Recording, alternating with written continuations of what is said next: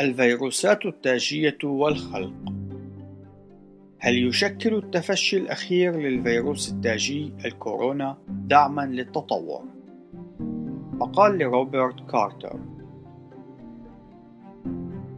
يتواجد فيروس جديد يكتسح العالم تطلق عليه الغالبية العظمى من الناس اسم فيروس كورونا. وقد تمت ملاحظة هذا الفيروس لأول مرة في ووهان الصينية كما أنه ظهر في بلدان مختلفة إضافة إلى ذلك فإنه قد تسبب بوفاة العديد من الأشخاص فما الذي يفترض بنا أن نفكر به حيال هذا الموضوع؟ وهل تدعم فيروسات الكورونا التطور؟ وهل يمكن أن نقدم تفسيرا لها في ضوء الخلق التوراتي؟ وهل يمكن أن يكون هذا جزءا من الخلق الذي وصفه الله بأنه حسن جدا ربما يتوجب عليك أن تتمسك بقبعتك لأنني على وشك أن أقوم بقلب الطريقة التي تفكر بها حيال الفيروسات رأسا على عقب. عنوان معظم الفيروسات هي مفيدة. يتسبب الأمر بصدمة للكثير من الأشخاص وذلك حين يسمعون بأن معظم الفيروسات هي مفيدة لهم. هل سبق لك وسمعت بأن تعداد البكتيريا المتواجدة في جسمك وعليه تتساوى مع عدد الخلايا الموجودة فيه؟ هذا الأمر صحيح، لكن الأمر الصحيح الآخر هو أنك تمتلك في أمعائك عددا من الفيروسات يتجاوز عدد البكتيريا. في الحقيقة يلعب التعداد الفيروسي المعروف باسم فيروم دورا مهما في تنظيم تعداد ونوعية البكتيريا المتواجدة في جسمك وبدونها سوف يتم استهلاكنا وبسرعة من قبل تلك البكتيريا الصغيرة الشرهة والتي تعيش في الأمعاء. هل سبق وذهبت للسباحة في المحيط؟ إذا فأنت كنت تسبح في حساء شديد التركيز من البكتيريا في الوقت الذي تتواجد فيه أنواع وأعداد كبيرة من البكتيريا في مياه المحيط فإن الحال يتشابه مع حال أمعائك إذ يتواجد عدد من الفيروسات أكبر من عدد البكتيريا والأمر الغالب هو أنها هي التي تلعب دورا في الحفاظ على التوازن في المجتمع البكتيري المتواجد في مياه المحيطات فهل يمكن أن تتواجد لدينا أسماك في حال غابة الفيروسات؟ هذا سؤال مثير للاهتمام يمكن لبعض العلماء اليافعين المغامرين أن يجيبوا عنه في يوم ما. هل ذهبت للسباحة في بحيرة؟ إذا فأنت كنت تسبح في حساء من البكتيريا والفيروسات. هل كان يطفو على سطح تلك البحيرة بعض البط أو البجع أو الإوز؟ إذا فأنت كنت تسبح بين فيروسات الإنفلونزا. حقيقة الأمر إن الطيور المائية مثل البط والإوز تحمل جميع أنواع فيروسات الإنفلونزا بما فيها تلك التي لا تؤثر على البشر.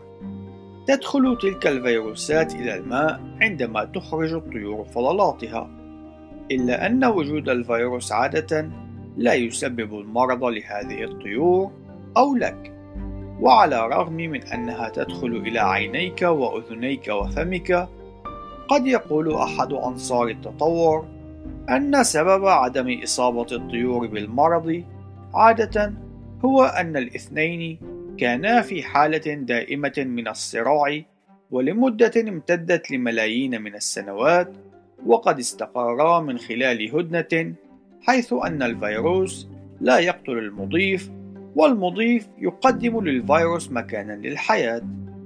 أما من منظور الخلق فإنه من المحتمل أن يكون لفيروس الإنفلونزا دورا مفيدا للطيور. لكن من المشكوك أن يكون أي شخص قد قام بأبحاث كافية عنه. عنوان: البعض من الفيروسات ربما تكون قد هربت من المجمع الجيني. هل تعلم أن خلايا جسمك تنتج الكثير من المواد التي تصنع منها الفيروسات حيث أننا نصنع الغطاء أو القشرة البروتينية ونقوم بنسخ الحمض النووي DNA والحمض النووي الريبي RNA ولدينا آليات لنقل أجزاء الحمض النووي إلى أجزاء مختلفة من الجينوم وما شابه ذلك. وبهذه الطريقة قد تكون البعض من الفيروسات قد نشأت من خلال عمليات خلوية طبيعية. جميع هذه الأجزاء متواجدة وفي بعض الأحيان تتجمع هذه الأجزاء لتشكل ما يشبه الفيروسات وكل ما يتطلبه الأمر هو إجراء البعض من التغييرات العرضية وقد يخرج هذا التجمع عن السيطرة وينتشر الوباء. عنوان البعض من الفيروسات ربما تكون قد هربت أو انفلتت من قيود التصميم الابتدائية. ليست جميع الفيروسات تشبه ما يتواجد في المجمع الجيني أي الجينوم، فالعديد من الفيروسات التي تتسبب بالأمراض تظهر وكأنها مصممة لأداء هذا الدور. فمن أين أتت إلينا؟ حسنا، إن كان يوجد فيروس مصمم لإصابة الخلايا البكتيرية أو فأر أو حتى إنسان، فإنه من المحتمل أن يتواجد أنواع من الاختبارات والأنظمة لحفظ التوازن في ذلك النظام.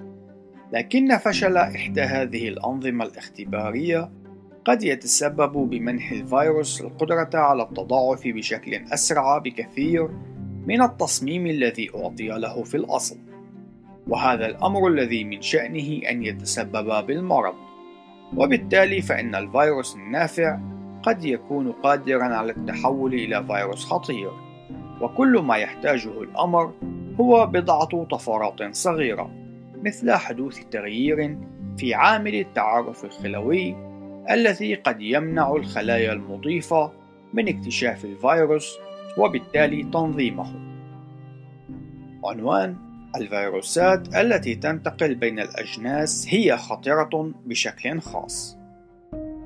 نحن نستطيع الآن أن نتناول موضوع فيروس الكورونا، وهو فيروس لا ينتمي أساسًا للجنس البشري، حيث تعرف الفيروسات التي تنتقل بين الأجناس باسم zoonotics أو الفيروسات حيوانية المنشأ، وتجدر ملاحظة وجود zoo في الاسم اللاتيني. يوجد لدينا العديد من الأدلة على وجود فيروسات حيوانية المنشأ بما في ذلك الإنفلونزا وفيروسات الكورونا التاجية الجديدة منها والسارس وفيروس ميرس. وكذلك فيروس HIV الذي يتسبب بالإيدز. جميع هذه الفيروسات جميع هذه الفيروسات تتسبب بالأمراض حين تصيب البشر. والبعض من هذه الفيروسات قد تواجدت في البشر ولفترة طويلة جدا. ولكن الأمر الجيد هو أن الكثير من الفيروسات الحديثة قد خمدت من تلقاء نفسها أي أنها ضعفت بشكل تدريجي والفيروسات ستخمد بشكل تدريجي مع مرور الوقت وذلك يحدث أثناء تضاعفها حيث أنها تلتقط الطفرات الوراثية التي في بعض الأحيان تتسبب في إضعافها إلى أن تصل إلى درجة لا تكون فيها معدية أو قابلة للانتقال وإصابة الآخرين. إلا أن الأمر لا يتخذ هذا المنحى دائما، حيث أن البعض من الفيروسات مثل فيروس نقص المناعة البشرية HIV أو فيروس الإنفلونزا الذي هو نوع من أنواع فيروس الكورونا يمكنها أن تستمر في الانتشار والعدوى وذلك بالرغم من التقاطها للطفرات الوراثية. إن هذا الأمر يعتمد على الكثير من العوامل المختلفة ولا يتواجد لدينا فيروسان متشابهان تماما. عنوان الفيروسات الناشئة تشكل خطرا حقيقيا. لقد أصيب الجنس البشري بالكثير من الأوبئة المدمرة وذلك على مدى تاريخه الطويل البعض منها مميزة بشكل واضح مثل الموت الأسود أي الطاعون الذي انتشر بسبب بكتيريا انتقلت بواسطة البراغيث. أما البعض الآخر منها لا يزال يصيبنا بالحيرة فكل ما نعرفه عنها هو أن العديد من الممالك والحضارات والمدن قد عانت من نوبات هائلة من الأمراض والموت وفي بعض الأحيان نستطيع أن نقوم بتخمينات علمية عن أسباب تلك الأمراض إلا أن هذا الأمر ليس بشائع. إن الخليقة الأصلية لم تحتوي على أي أمراض. وعلى الرغم من ذلك فإن الأمراض قد تزايدت خلال الستة آلاف سنة الماضية.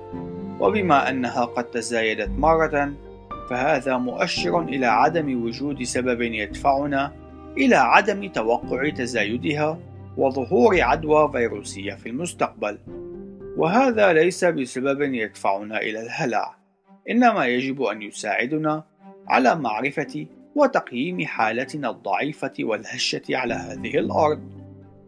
لقد قمنا بإنشاء مختلف أنواع شبكات الأمان بغية منع انتشار العدوى، كما أن العالم قد بدأ يستجيب بسرعة أكبر للتهديدات الناشئة، كما ويشكل كل من الحجر الصحي وغسل اليدين واللقاحات جزءا من هذه الاستراتيجية وذلك بالاعتماد على شدتها وخطورتها وما إذا كنا قد وصلنا إلى تطوير وسيلة للتطعيم ضدها أم لا.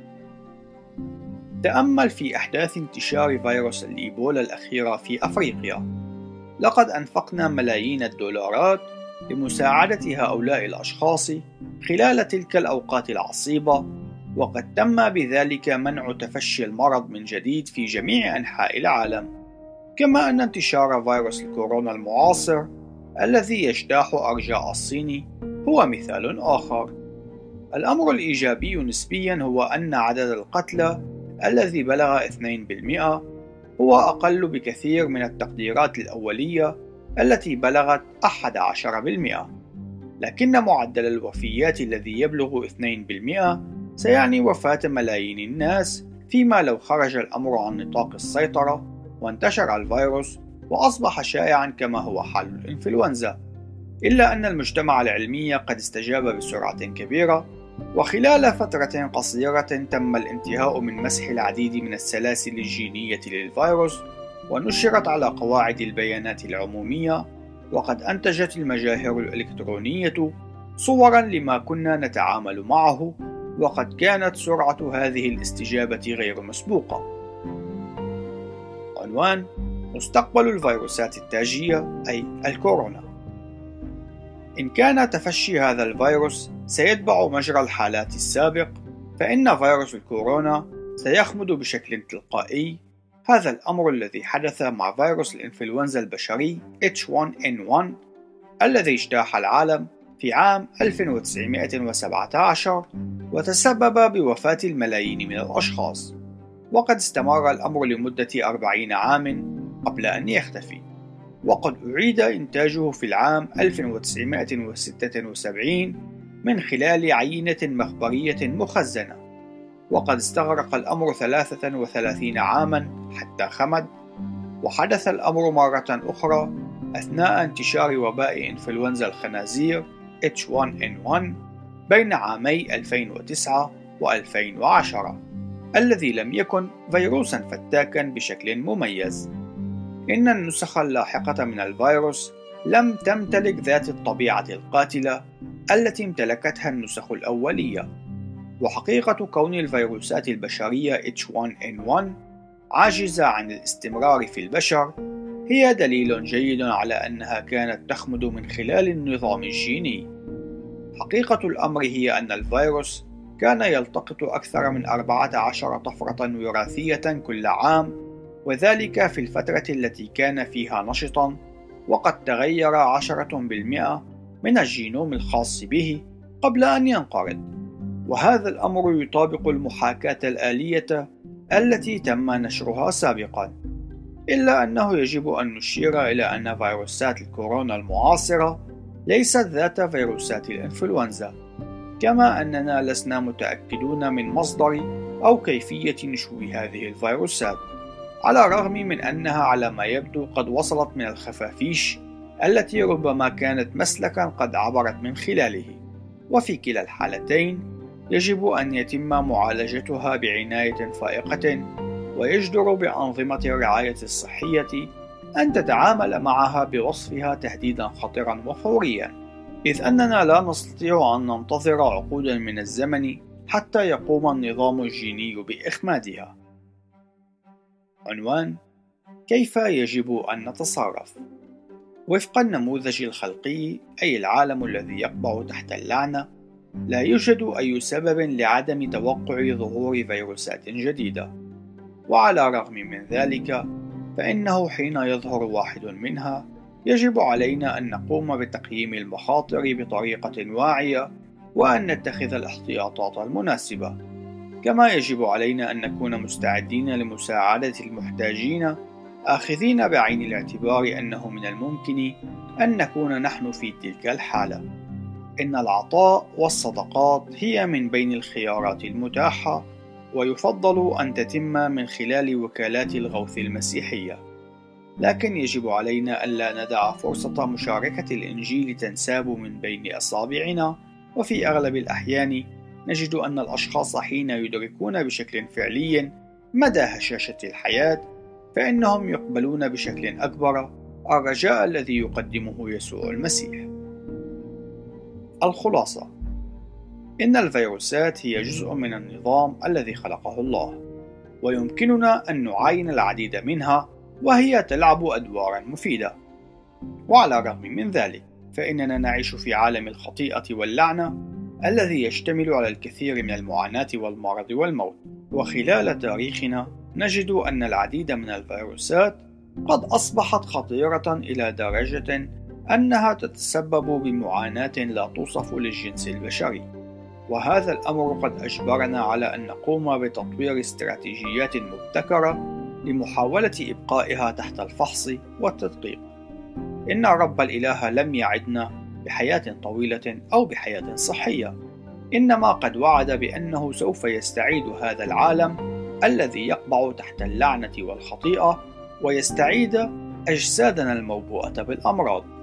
إن رجاءنا ليس هنا على هذه الأرض، لذلك فلنرنو بنظرنا إليه ونلقي برجائنا عليه، إذ أن الفداء الذي وعدنا به بات قريبا. انتهى المقال، ولنعطي المجد لله دائما. thank you